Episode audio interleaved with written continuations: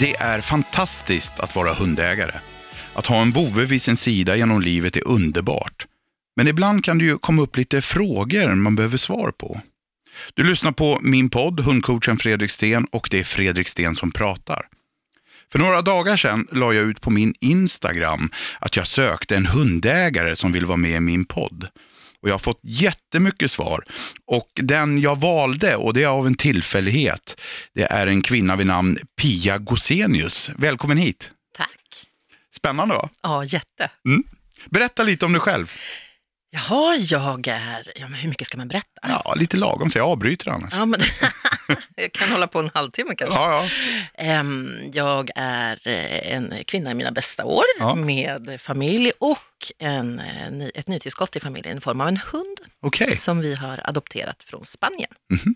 Från Spanien. Varför, varför adopterar man från Spanien och varför tar man inte från hundstallet för? I, ja, det kan man ju fråga sig. Och i- egentligen är frågan varför blev det hund överhuvudtaget? För det var inte alls meningen. Nej. Så det var, det var eh, tillfälligheternas spel. Vi, eh, jag har varit arbetslös under en period, så jag har Mm. haft mycket tid. Och eh, har man tid så är man ute mycket på nätet och Ja. man pratar med vänner och så. Ehm, och ehm, den här hunden eh, är av den rasen som vi eh, väldigt gärna ville ha. Mhm. Och vi var ute efter en, eller hade pratat om att om och när och kanske om vi får en hund och det blir av, Mm. då ville vi hemskt gärna ha en lagotto. Jaha, ja men fina. De är jättefina. Behaglig storlek också, Ja, Mm. eller hur? det är hund fast ändå Mm. inte jättemycket. Mm. Utan det, och sen så gillar jag att de inte hårar, man får vara lite kräsen så. Det Mm. kommer inte, inte hår precis överallt. Eh, mest för att jag är så pedantisk för att jag vill städa hela tiden då. Mm. Det ska, jag ska inte göra någonting annat antagligen, så jag är glad för det. Mm. Ehm, men eh, nej, men det, kom, det begav sig så att vi har kompisar som följer någon sån um, hundhjälporganisation Ja, i. Spanien, Ja. i Malaga. Och eh, de taggade vårat namn vid den här hunden. Nu har vi hittat, nu finns det en lagotto som behöver ett hem. Och då slog ni till. Ja, Hur gammal är hunden då? hunden är oh, fem år gammal. Mhm. Eh, det är en hanhund. Eh, han är, ja, Vad heter han? han heter Tego. Han hette Tego? Det. Han hette Tego redan då. Betyder det någonting på spanska? Nej, jag vet inte. Jag tänkte säga Tego. Någonting Ja, just det. Ja, just det. Lite dramatiskt. Du är god, typ, tänker jag i mitt huvud. Jaha, ja, okej. Jag har ingen aning, jag kan inte spanska. Una cerveza på favor, det är allt jag kan. Onomase, det är liksom det. Jag kan också Ja. en till. Okej, hur länge har ni haft honom då? Sen i augusti. Så jag Mhm. åkte ner i, eh, faktiskt, inte ens, det blev inte ens leverans av hunden. Utan vi har kompisar som har hus i Malaga. Mm. Eh, och de var där och jag tänkte att det väl jättebra tillfälle. Jag har all tid i världen, hittade billiga flygbiljetter, jag åker ner och hämtar den här hunden och passar att bo hos dem. Och de är hundälskare av rang. Mm. Eh, så så blev det. Jag åkte ner, hämtade hunden, eh, kom hem med honom och sen har han, ja, bara Funkar det bra då? över förväntan. Mhm. Jag var nog lite rädd och Mm. eh, tänkte att man vet ju inte. Den här hunden kan ju ha, eller har sannolikt varit med om mycket. Mm. Både, både onda människor och snälla människor Mm. och vem litar den på och inte och Mm. funkar det med barn eller inte. Vi har en son som är tio år gammal. Eh, så att eh, på så sätt så var det läskigt. Mm. Men det har gått jättebra. Mhm. Och det har vi har, förlåt? Spännande sa Ja, jag. det är Mm. jättespännande. Det är häftigt att ta hem en vuxen hund sådär tycker jag. Jag gör ju det ibland också. Eh, fast av andra anledningar då. Att Mm. eh, omplaceringar eller en problemhund eller vad det är. Jag tycker det är en höjdare. Jag tycker det är så spännande liksom att lära känna den här nya individen och se vad de reagerar på och vad de inte reagerar på. Vad de svarar på och så vidare. Men, eh, och det, och det håller jag verkligen med om. Mm. Men du gör ju det utifrån din kunskap och erfarenhet. Mm. Och jag är mest rädd för att jag ska göra något fel. Det är så jag... Det är alla hundägare har jag tänkt på.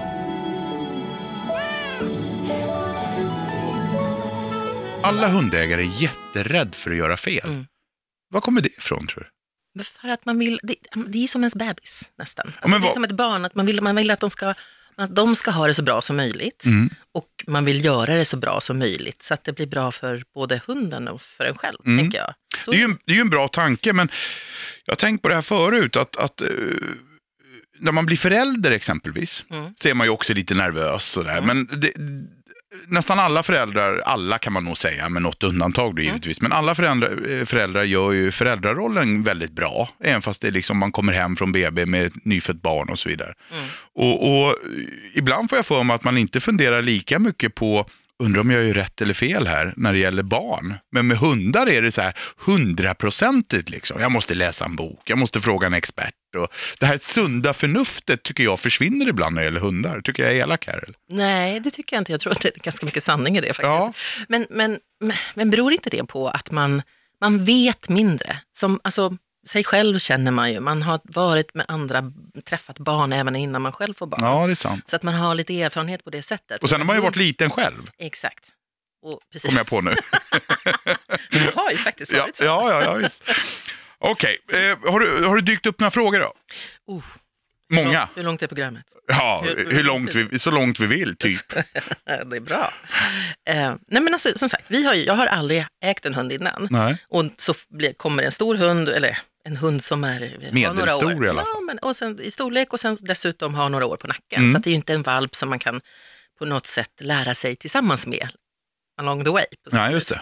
Utan det, finns vissa givna saker som Mm. han har varit med om och som, hur han funkar. Eh, och som, som sagt, jag har ingen erfarenhet. Alltså, min hund sover enormt mycket. Mm, det gör hundar. Ja. Vad, vad, vad är mycket då? Om du skulle säga procentsats på dygnet? Alltså när han inte är stressad, höll jag på att säga. När han inte är så här, har koll på om vad jag gör i köket Mm. eller eh, om jag rör på mig, för då går han efter mig precis överallt hela Mhm. tiden. Ja, då sover han precis alltid däremellan. Men det gör hundar. Okej. Man pratar om att en vuxen hund behöver, nu, nu kan jag ha fel här vill jag säga till du som lyssnar, på någon timme sådär. Men jag har hört att en hund sover ungefär mellan 15 och 17 timmar per dygn. Och det blir ju Ja. ganska mycket då, Ja. faktiskt. Så det, det är nog ingenting du ska vara orolig för. Och sen vill jag nog påstå att en hund som sover mycket, om den är frisk ska jag säga, alltså att, den in, att den är välmående, så att den inte har något medicinskt fel. Men en hund som sover mycket skulle jag nog vilja säga är en väldigt trygg hund. Vad bra, Ja. skönt. Mm. En stress, ja, precis. Men en stressad hund och en osäker hund och en ängslig hund och en hund som inte känner att den är en del av familjen och så vidare. De, Mm. de har svårare att varva ner. Okej, Mm. Vad sover hunden då? Sover han i soffan? överallt. Soffan På också? golvet, soffa. Han har en egen fåtölj. Mm. Jag sa, vi, vi pratade innan vi hade hämtat den här hunden, så pratade vi mycket om att nej, han ska minsann inte sova i sängen och han Nej. ska inte. Han är överallt. Mm. Överallt. Och ibland så lyfter jag upp honom, han är ändå vad är det nu, 48 centimeter i mankhöjd, Mm. någonting, så jag tar upp honom och han är så stel som en pinne, men det, ja, han får vara med överallt. Mm. Det är gosigt. Eh, Så är jag med mina hundar också. Min sambo däremot, hon skriker åt mig ibland så här, måste de vara i soffan? Ja, det måste de. I alla fall lilla Snorpis, Nemo. Hon får ju vara lite överallt. Hon som ska ha valpar. Ja, Åh. precis. Hon, hon är ju liksom, jag brukar säga det att hon är ju, jag har hundar, Mm. men sen har jag lilla Nymo. För hon är inte liksom, i mina ögon är inte hon en riktig hund, utan hon är så himla smart, söt, intelligent. så jag tycker hon liksom, hon är mer som en, hon är halvt människa, halvt hund tycker jag. Så. det resonemanget är det dock bara jag som kör, så jag har svårt att få medhåll på det. Du nämnde där att, att eh, din hund rantar efter dig lite grann i hemmet. Ja, Är det ett problem? Nej, egentligen inte. För han kommer och lägger sig liksom i närheten där jag är. Mm. Och beroende på om han tycker att jag är jobbig som har rört mig för mycket eller att jag eh, eh, ja, precis, in, inte sitter stilla tillräckligt mycket så kan han så här, han attacklägger sig har jag börjat kalla det för. Jaha. När han liksom bara dunsar ner på golvet. Ja, ja, Man okej. hör det. Ja. Liksom, dung, dung, det låter verkligen.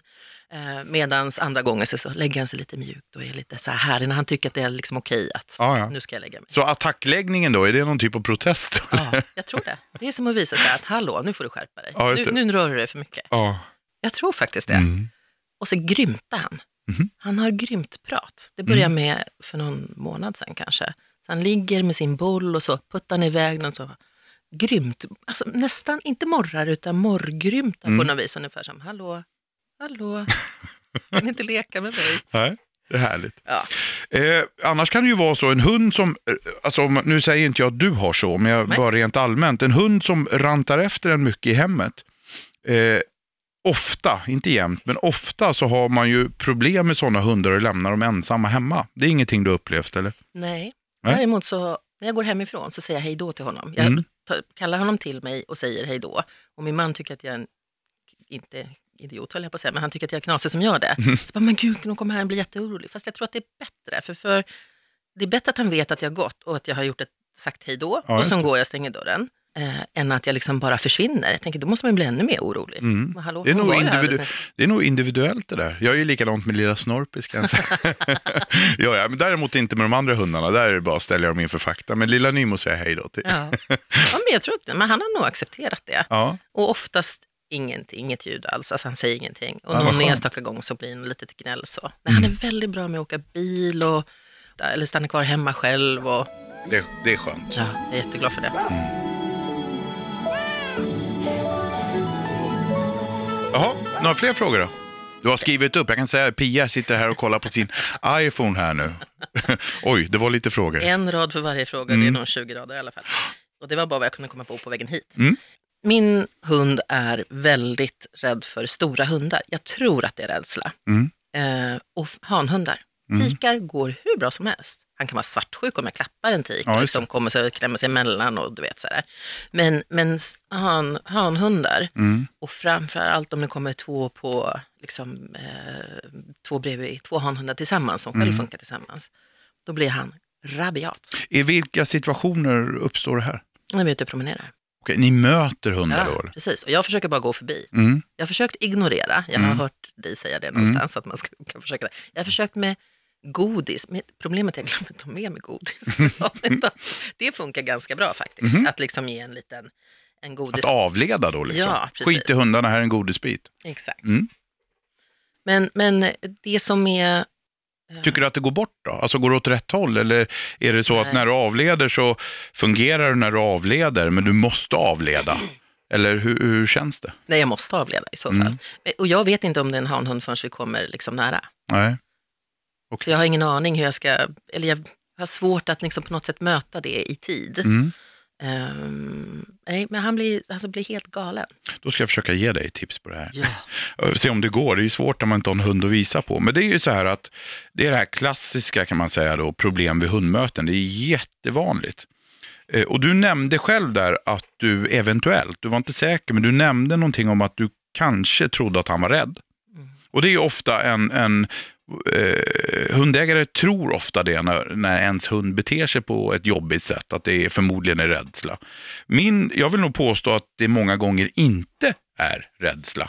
Utan det är snarare handlar om stress, frustration eller osäkerhet. Jag, eh, jag som hund vet inte hur jag ska bete mig. Jag som hund tycker min husse eller matte uppträder lite konstigt här. Alltså det blir en osäkerhet i situationen många gånger mer än osäkerhet för den andra hunden. Jag kan dock ha fel, det kan handla om rädsla. Men, men, men ofta är det faktiskt inte det. Och när jag lyssnar på det här nu då, så säger du så här att eh, det fungerar väldigt bra när du avleder. Mm. Eh, och det tycker jag du ska fortsätta med. Okej. Men jag tycker att man ska eh, berätta för hunden att, nu ska jag försöka göra, berätta det här teoretiskt nu då, eh, det är inte alltid så lätt. Men när jag är ute och går med min hund, eller när du är ute och går med din hund ska jag säga, och så ser du en hund på avstånd. Vi säger, låt oss säga på 100 meter. Då vet ju du någonstans, på 100 meter, då kanske din hund vinklar fram öronen och visar lite uppmärksamhet mot den andra hunden. När ni börjar närma er och du är 50 meter från den andra hunden så kanske din hund börjar gå lite på tå. Och när du är eh, 15 meter från den andra hunden så kanske det blir lite ragg. Och när du är precis jämsides exempelvis så händer det någonting som du inte vill ska hända. Är det ungefär så? Garanterat. Ja, och då är det ju så att eh, när du avleder då, det vill säga så här, strunta i den där hunden, titta på den här godisbiten istället, så löser du ju situationen där och då, vilket är jättebra. Det är inte dåligt på något sätt. Men för att få en mer långsiktig lösning på det här så tycker jag man ska jobba med att faktiskt berätta för hunden, att man eh, talar om för hunden, eh, du, nu kommer en annan hund och nu vill jag att du sköter dig. Och Det kan man göra på lite olika sätt. Jag kan återkomma till det alldeles strax. Och då när hunden svarar på det, när jag talar om för min hund, nu vill jag att du sköter dig, vi struntar i den andra hunden. När din hund då svarar på det, då belönar jag med den här godisbiten. Då har jag liksom ställt ett krav på hunden. Jag har talat om för hunden, jag har förmedlat till hunden att du, vi struntar i andra hundar. Men gör du det så får du en godisbit. Gör man tvärtom, det vill säga så här, oj det kommer en hund där borta, men titta här, här har jag en godisbit. Mm. Då vädjar man mer, om du Mm. förstår vad jag menar. Då, då, då ger man ju hunden ett val. Mm. Även om man klappar efteråt, för det har ju gett jättemycket beröm efteråt när Ja. det liksom har gått bra. Ja.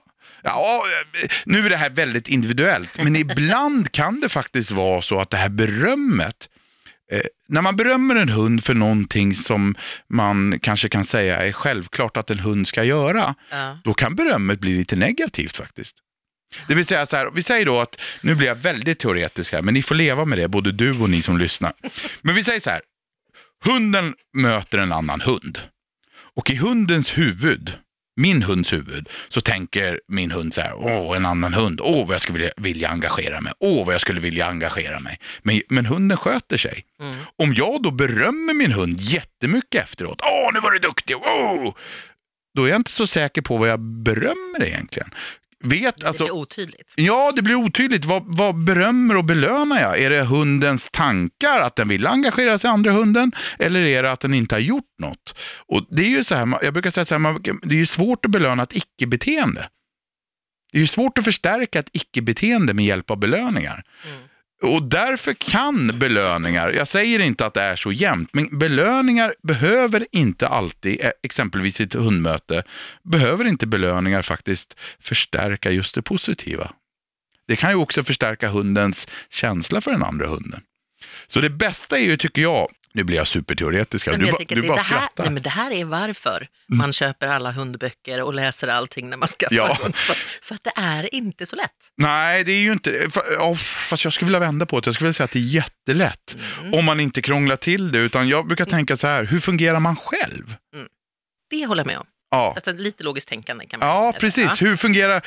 Jag, brukar, jag tycker barnuppfostran och hunduppfostran, om jag får använda de uttrycken, jag tycker de är jättelika varandra. Mm. Alltså, vi säger så här, och jag, nu kommer vi från ämnet här, men det är ju meningen, det är ju, det är ju min podd, jag får göra precis vad jag vill. Fantastiskt. Nej men ta så här, jag köper tuschpennor till mina barn. Mhm. Och så tänker jag så här, bara de inte ritar på väggen nu, för det är ju nymålat hemma. Och så sitter barnen och ritar då med tuschpennorna hemma på bordet, eller inte på bordet men på pappret de har. Och så helt plötsligt, då vill jag ju belöna dem för de har ju inte ritat på väggen. Ja, det gör man ju inte. Nej, det blir ju skitkonstigt, eller hur? Och därför kan det ju bli jävligt konstigt, nu svär jag väldigt mycket också, men därför kan det ju bli jättekonstigt. Vi säger så här vid ett hundmöte då, och så sköter sig min hund. Ja, Och så belönar jag det. ja. Men det är, ja, precis. Så, så ser man ju inte på det själv. Man tänker, för det är inte det som är meningen. Nej. Det är inte det som är det man vill uppnå. Exakt, så där kan det ju bli väldigt märkligt. Och då Ja, kan man ju liksom, vi säger då att jag belönar mina ungar när de sitter och ritar på pappret. Och så bara, bra ungar, här får ni varsin glass. Och då bara, eh, pappa vad är det med dig? Vad, vad? Ja, men jag är så himla glad att du inte har ritat på väggen, kanske. Mm. Då väcker jag ju en tanke hos barn. De har kanske aldrig har tänkt att rita på väggen. Nej. Men i och med att jag belönar så, bara, va? Kan man rita på väggen? Mm. Ah, nu blir jag väldigt teoretisk, men så kan det bli när man belönar en hund också. Men just hundmötena, där finns det liksom, tycker jag, ett par såna här nyckelgrejer man ska tänka på. Dels är det att man ska, vad ska jag säga, tillrättavisa hunden, alltså hjälpa, stötta hunden innan hunden har gjort fel.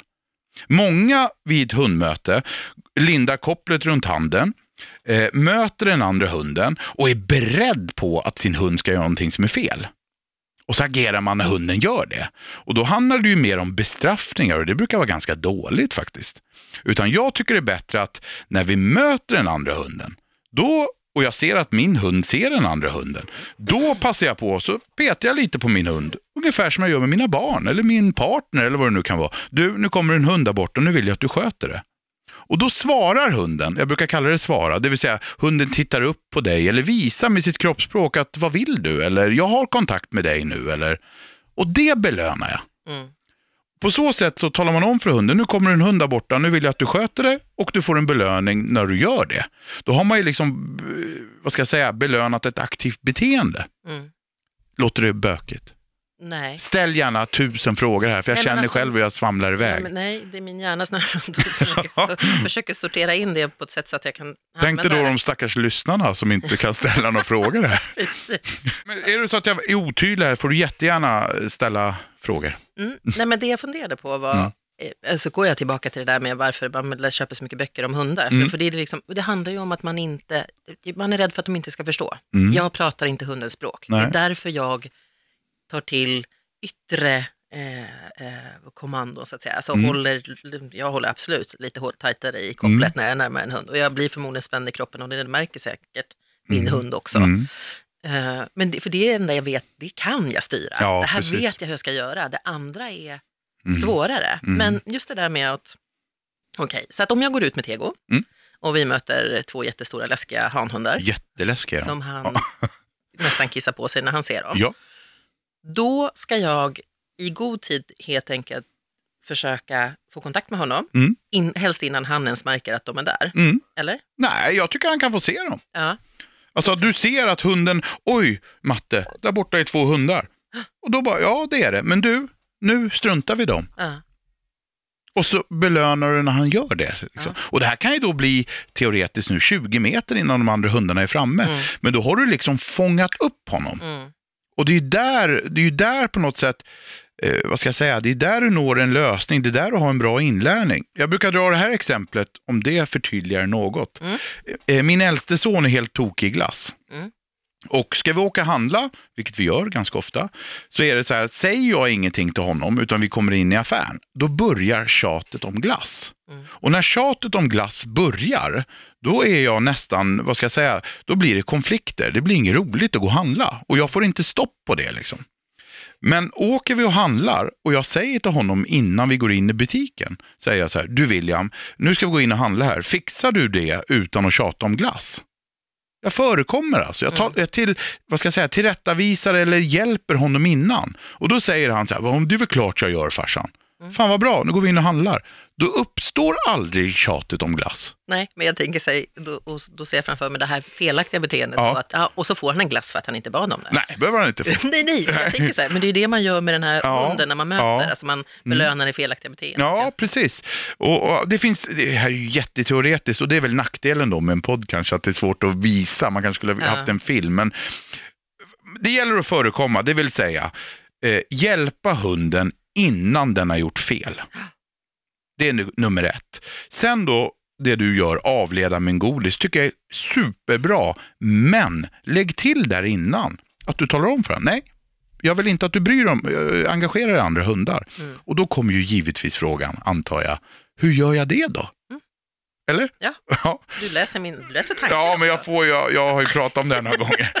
Nej, men då är det så här att hur gör man det? Du var inne på förut här att jag pratar inte hundens språk och det gör vi inte, Nej. kanske.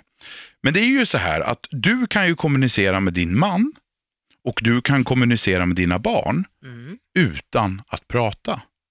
Mm. Ganska bra, eller hur? Ja, absolut. Om, eh, om du är arg på dina barn eller på din man, Mm. ser de det på ditt kroppsspråk tror du? Eller? absolut. De får Mm. onda ögat. onda ögat. De ser det på din mimik till och med. Eh, och om du ska, om du sitter, nu tar jag ett exempel här, om du sitter på en middag eller du sitter på bio och din man gör någonting som du inte tycker är speciellt kul eller dina barn gör någonting som du inte vill att de ska göra, men du ju svårt att prata med dem, då kanske du använder av fysisk kontakt, eller? Putta till dem med. Putta till dem ja. Ja. Eh, det är inte så att du puttar till dem på ett roligt sätt, Nej. men du är ganska distinkt va, i det du gör, eller hur? Ja. Med ett finger i sidan, sluta nu. Och så ett finger i, på axeln eller någonting Ja. i den. Det handlar inte om kraft, det handlar Nej, inte nej, om att jag illa någon. Men du är ganska tydlig liksom. Att lägg av med det där nu. Och det är, svårare än så är det inte med en hund heller. Här underskattar vi dels vår förmåga att kommunicera med hundar och vi underskattar hundens förmåga att läsa av oss i de här Mm. situationerna. Man har redan ut, eller jag utgår ifrån att han inte ska förstå.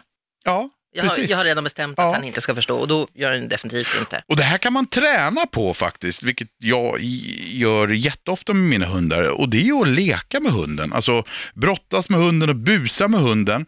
Och sen då när man har lekt klart exempelvis, istället då för att säga nej, gå och lägg dig nu. Så visar man med kroppsspråket, nu är leken slut.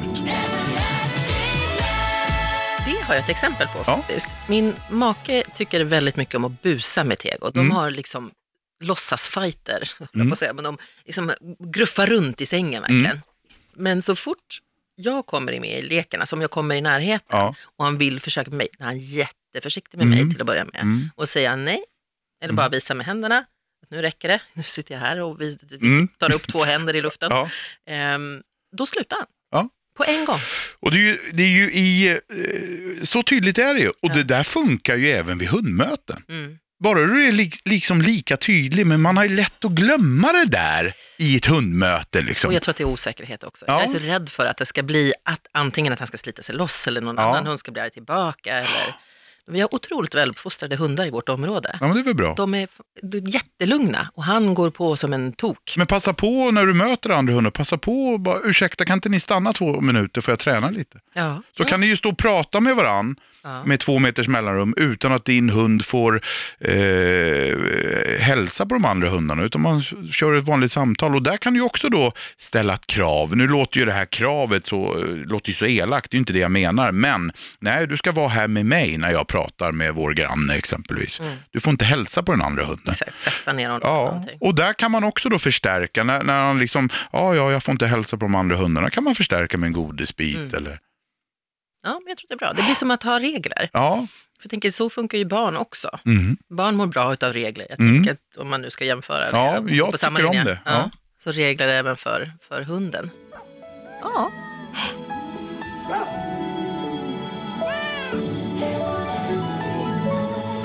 En annan som jag tycker är väldigt viktig, Mm. eh, det är, vi har, som sagt, det här är en hund som jag hämtat hem och Mm. han har ju sina beteenden och sitt sätt.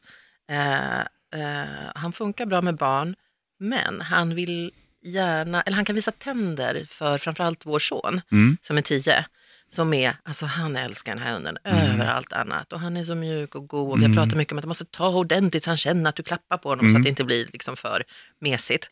Eh, men men eh, han visar aldrig tänder för mig eller min man. Nej. Eller tror jag inte ens våra äldsta döttrar. Men de bor inte hemma. Men, men, men framförallt Robin. Om Mm. han kommer i närheten och han är lite så här, han har fokus på någonting annat. Om Mm. hunden har fokus på att jag står och skär kött Mm. och Robin kommer i närheten och klappar, Mm. då drar han upp Mm. liksom, eh, vad heter det, mungiporna? Ja, eller visa tänderna. Dra Visa upp tänderna. eh, tandkött, eller vad Ja, säger jag? Ja, jag visa vet det. tänderna säger jag. ja. Visa tänderna. Vad har ni gjort åt det då? Vi har testat lite olika. Å ena sidan har vi sagt att nu får du gå och lägga dig. Då får Mm. han ha gått och han liksom så här, det där är inte ett okej beteende, du får Mm. gå och lägga dig i korgen. Mm. Eh, och han lyssnar och det kan till och med sonen säga och han Mm. gör som sonen säger. Eh, men vi har också testat med, nu sista tiden har nog, det har blivit mycket bättre ska jag säga. Mm. Eh, men sista tiden har vi bara egentligen sagt att, ja men okej, då vill inte han att du ska vara i närheten, då får du backa, alltså Mm. att sonen får backa. Mm. Eh, men det har, hänger ihop med också kanske att han inte heller är lika gosig med honom. Han är ju väldigt tego alltså. Mm. Hunden vill väldigt gärna att vi ska klappa på honom och han tycker om när Robin, tioåringen, klappar honom Mm. också. Men han kommer inte till honom, han söker sig inte Nej. till honom. Eh, vilket eh, gör ont i mitt mammahjärta. Jag vill ju att han ska få den här härliga upplevelsen. Mm. Ehm, Jätte, eller ja, den ska jag inte ta i, men det är ganska vanligt det här du beskriver. ja, det. Och det som glädjer mig det är att du eller ni nästan har gjort helt rätt, tycker jag. Ja, och du, du säger ju själv att det har blivit bättre. Ja, det har blivit. Ja, och det kan jag säga, det är inte speciellt vanligt med en, om jag får använda det uttrycket då, en, nu gör jag sådär med fingrarna, okunnig hundägare. För det har du ju själv sagt att du är. Ja, Men du har, Det tänkt, he- ja, du har tänkt helt rätt där. Det är ju så här att en hund som visar tänderna, det betyder ju låt mig vara. Mm. Det, man kan ju säga att det är en varning till att låter du inte mig vara så biter jag dig. Okej. Det är ju det det är till för så att säga. Mm. Eh, man kan väl ta en stege då, alltså att hunden vill dra sig undan eller morrar, visar tänderna, gör ett fingerat angrepp, alltså ett fuskbett som inte är så allvarligt och sen då ett fullskaligt bett. Mm. Så det här är någonstans mitten av stegen, att den talar om att nu vill jag att du låter mig vara i fred. Mm. Och Det kan ju bero på lite olika anledningar att en hund gör så här. Det som inte är lösningen på det här, vilket många gör, Mm. det är att man tar det här väldigt personligt och, och tänker lite grann som du ska jäklar inte göra det här mot mig eller du ska inte. Det här klassiska, man blir lite förbannad. Mm. Och det förvärrar bara det här. För, för hur det än är så handlar det här beteendet om osäkerhet. Och då är det ju så här att osäkerhet behöver ju inte vara extrem osäkerhet. Det finns ju en skala där också. Lite osäker, jättemycket osäker. Men någonstans på den skalan handlar det ändå om osäkerhet. Alltså typ, ska du inte låta mig vara i fred nu? Ska du konkurrera om min sovplats nu? Ska du också tigga kött nu? Alltså en osäkerhet finns det där hos hunden. Det är därför hunden gör det här. Och ger man sig då på hunden med fy eller du ska jäklar inte eller vad det nu kan vara, då förvärrar man bara det här. Man förvärrar bara, därför blir jag så himla glad när du säger att du inte har gjort det. Jag tycker det är jättebra lösningar det ni har gjort faktiskt. Att nej, nej men gå härifrån då. Eh, eller nonchalera. Eh, det man skulle kunna göra också, och nu kommer du undra om jag är inte är riktigt klok tror jag. Det, man, det man skulle kunna göra där också, det är att din grabb har en godis i fickan och när han gör sådär så ger han honom en godisbit. Låter knäppt va? Ja, för det känns ju verkligen som att belöna ett dåligt beteende. Mm. Bra, men det är ju så här att, eh, nu blir jag glad, för det här är liksom min käpphäst i det här. Det är ju så här att belöna, när vi pratar belöningar om hundar så pratar vi om, det vi egentligen säger är att vi ska förstärka ett beteende. Mm. Det är ju det som är belöningen så att säga. Om en hund då är osäker, Mm. därför visar den tänderna. För att förstärka det beteendet måste vi göra den mer osäker. Förstår du vad jag menar? Ja, Ja, och vi säger då att jag är arg på dig ja, eller osäker på dig. Jag undrar, vad, vad vill du mig? Ja. Och så kommer du fram och ger mig en present varenda gång. Ja. Kommer jag bli mer osäker då eller kommer jag bli säkrare? nej, det kommer bli säkrare såklart. Precis, och då avtar det där. Intressant va? Ah, Alltså förstår du, här gör man ofta en tankevurpa. ja, Alltså, en hund som morrar åt det, vi säger morra eller visar tänderna. Om jag då bara helt iskallt varenda gång, inte säger någonting, inte gör något speciellt, men oj, nu visar du tänderna, här får du en godisbit. Mm. Den här osäkerheten, ah, aggression om vi nu ska kalla det för det, det är ju inte riktigt det, men någonstans där, det här otäcka då som vi inte vill ha hos hunden, Mm. det försvinner ju såklart. Jag får ju en godisbit. Den här killen är ju inget att vara orolig över. nej, Det går liksom inte att förstärka osäkerhet. Det går inte att förstärka aggression Nej. genom att vara snäll. nej. Det enda sättet du kan förstärka det på, det är att börja ha, få, få konflikter med hunden. Mm. Jag är osäker på dig. Ja, och du ska jävlar inte. Och nu är jag ännu mer osäker på dig. Mm. Då tilltar ju det här. Men skickar man åt honom en godisbit så rinner det där av. va? Men jag tror, ja, men, och det låter ju fullkomligt eh, logiskt när du säger det. Mm. Men jag tror att jag har tänkt att det här handlar om någon typ av hierarki Mm. Det är eller, många som tror det. eller att, att han är liksom, ja men precis, ska visa sin plats och du ska minsann inte, i och med att han inte gör det mot oss Nej. vuxna eller de som han liksom någonstans, Men det beror på att han, han, han eh, nu har inte jag träffat din hund och jag har inte ens träffat dig innan. Så nu sitter jag här och leker någon siare här. Men generellt vågar jag påstå att det är så att en hund som då morrar, visar tänderna, det handlar som jag sa om osäkerhet. mm, Och då är det så, barn har ofta, nu är din grabb 10 bast, men jag har själv en 10-åring. mm, Och det är ju så här, barn har ofta svårare att vara, vad ska jag säga, ärlig och tydlig mot en hund. För barn skiter ofta i hunden, vad ska jag säga, de signaler hunden skickar ut. Om jag som vuxen eller exempel, ser de inte kanske? nej, Mm. de bryr sig inte utan nu ska jag klappa. Mm. Och då bryr man liksom sig inte om som barn om hunden visar ett undvikande beteende eller vad det nu är, utan nu ska jag klappa och så fullföljer man där. Och det här tycker hunden är väldigt, väldigt jobbigt. Mm. Och därför blir, får man lätt hundar då som inte tycker om barn eller inte accepterar barn fullt ut som de accepterar de vuxna. Mm. Lösningen på det problemet, det är att göra som ni har gjort, kan slänga åt den en godisbit också, Mm. men sen också att eh, om man gillar mat exempelvis, gör han det? Gud, det finns ingen hund som äter så mycket som han. Bra. Kan du ge grabben, säga åt grabben att din pojk, att han ska ge hunden mat, men inte bara ställa ner maten utan han ska sitta först, ligga först, stå upp. Alltså träna. Det gör vi redan. Bra. Vi gör så, så han får Bra. alltid sätta sig bredvid. Han blir helt, som sagt, gatuhund Mm. från Spanien. Mm. Han har ju inte levt, varit speciellt fet i sitt Nej. liv. Men, men han blir så glad för mat varenda gång, oavsett vad vi stoppar fram. Mm. Och han, så har vi gjort så att han får sätta sig ner. Mm. Eh, och sen så fuskar han sig lite framåt när vi går framåt. Mm. Och sen så får han rätt att sätta sig ner. Och sen får han inte börja äta förrän vi, han har tittat på oss och vi säger varsågoda. Mm. Och då äter han. Och det här kan ju variera. Ja. Det här kan, nästa gång, om man är duktig på det, hunden, då kan du ju till och med, det gör jag med mina hundar också. Igår skulle ni sitta och titta på mig innan ni fick mat. Ja. Idag vill jag, och så klurar jag lite, idag vill jag att ni hoppar på mig innan ni får mat. Så variera det här, för annars är det ju ingen inlärning. Annars blir det ju bara att, att hunden ska sitta och titta på mig, det kan jag lära ett lejon. Förstår vad jag menar? Jag är jätteglad för Ja, att men jag det är bra. med det. Det är jättebra. Och det finns ju praktiska fördelar med det. Det ska man inte sticka under Ja, stol med. absolut. Men pratar man relation och kommunikation, Mm. hitta på olika saker varenda dag. Ja, det ska jag. Ju krångligare det är för hunden, desto mer måste ju hunden kommunicera och, och liksom lära sig och förstå att ni förstår varandra. Ja. Och det vinner man ju bara på. Har du en fråga till? Det hinner vi. En fråga, en snabb fråga.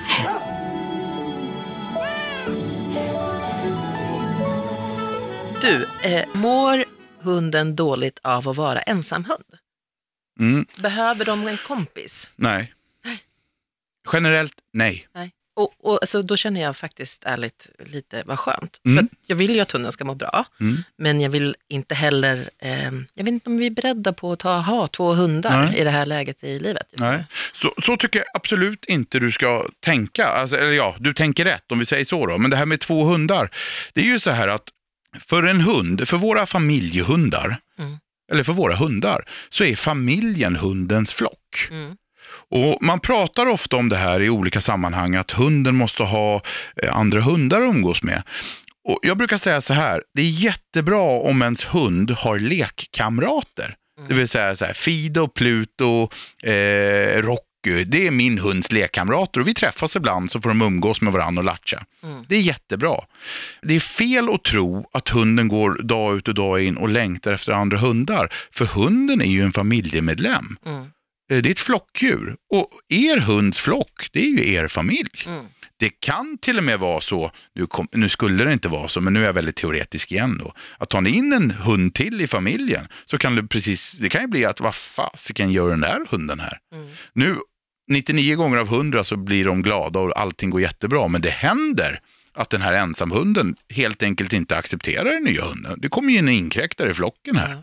Och vi har faktiskt testat det på sätt och vis. Mm. Vi var hundvakt för goda vänners Mm. eh, hund, eh, en tik. En hanhund hade jag inte vågat ta in i huset med tanke på hur han reagerar. Eh, och eh, han vart ju rädd för henne. Mm. Han, han, Tego stod bakom mig, liksom, första två dagarna så stod han bakom mig och, och Berit som den här hunden då heter. Hon är världens lugnaste, skönaste och härligaste och brydde sig ingenting överhuvudtaget. Eh, men det gick över efter ett tag. Sen var han svartsjuk och man Ja. liksom hade med sådana saker. Men det funkade. Men inte så att jag tycker att de hade någon, alltså han, det kändes inte som att han tyckte att det var jätte, alltså att han hade något utbyte utav Nej, man har ofta en övertro på det där Ja. faktiskt. Och sen, det är klart, vissa hundar de är ju kompisar som, Ja. som du har kompisar Mm. eller som jag har kompisar. Men så här, generellt så har man en övertro på det här. Mm. Och man pratar ofta om att ens hund måste lära sig socialiseras med andra hundar. Mm. Och det, ja, det stämmer ibland, inte alltid. För det är ju så här att återigen, de, om vi tar vildhundar eller vargar eller vad det nu kan vara, nu är inte hundar vargar, men det finns ju likheter, Mm. så är socialiseringen jätteviktig i flocken. I flocken, men inte med andra flockar. Nej. Det är ju inte så att vildhundar springer över till varandras flockar och bjuder över varandra på middag. Tvärtom, de, de vill ju inte vara i närheten av varandra. Nej. Utan socialiseringen sker ju i flocken. Ja. Så om vi nu ska gå tillbaka lite här på det vi nyss har chattat om. Det är ju det att den individ din hund skulle behöva socialiseras bättre med, det är ju din tioåriga pojk. Ja, Om du förstår hur jag tänker. och det Liksom. har vi, pra- ja. Mm.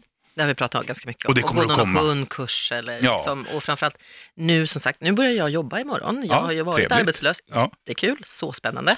Eh, men då kommer ju min son att vara hemma ensam med hunden Mm. på ett helt annat sätt. Så de kommer ju få en relation, tänker jag, Mm. hoppas jag. Så kommer det säkert att bli. Ja, vi får väl se. Sen ska du skicka, du ska få ett tips också eller, som du Tack. kan hälsa till din grabb. Ja. Det är ju så här att om man är väldigt, väldigt förtjust i en hund, jag kan ju bli det också, Ja. så blir man ju lätt väldigt på. Mm. Eh, alltså man blir för mycket helt enkelt. Nej, men kry- krypa in under skinnet. Precis, och det där känner ju alla igen som har varit ute på krogen och försökt att fixa ett ragg. Nej, men att man blir för mycket liksom. Och där är det ganska bra att komma ihåg att det kan vara bra att ge lite lina ibland. Ja. Det vill Inte säga, vara så lättillgänglig. nej, faktiskt. Och, och man kan liksom, om du tänker ett exempel så vill säga att din hund älskar bollar, säger vi då. Mm. Om du tänker dig bara att din grabb, tioåriga grabb, sätter sig i ett hörn i rummet och leker med en boll, Mm. då kommer ju hunden gå dit och liksom, wow, ska vi latcha? Mm. Om då din grabb säger så här, nej, jag ska leka men du får inte vara med. Mm. Det skapar ju mer intresse för din son, om du förstår vad jag menar. Nej, fick inte jag vara med här? Nej, får du inte. Imorgon kanske du får vara med. Då blir ju din son väldigt intressant. Men som det är nu så är det säkert så, minsta lilla signal, för det här känner jag igen själv, hunden ger till din son, då blir din son jätteglad och så är han för mycket. Liksom. Ja. Och jag menar, han ropar på honom och säger, Ja. Diego kom hit och sätt med mig. Och, Nej, Så ge han det tipset, var lite nonchig, så här härligt nonchalant. okej. Mm, det brukar ge också en jättebra effekt. Ja, bra. Det ska jag ta med mig verkligen. Pia, tack snälla för att du kom hit. Ja, men tack för att jag fick komma. Jätteskoj faktiskt. Ja, jag Mm. tycker också det. Synd bara att vi inte hann med fler frågor, men så är det. Du kanske får komma tillbaka. Jag tänkte precis säga det, jag får hoppas på att jag får komma med på fler poddar Mm. istället. Eh, Och då ska jag säga det också att den här hundpodden gör jag tillsammans med mina kompisar på Agria djurförsäkringar. Glöm inte att prenumerera på den här podden så du inte missar någonting. Och så följ mig på Instagram då givetvis, hundcoachen. Tack snälla, hej!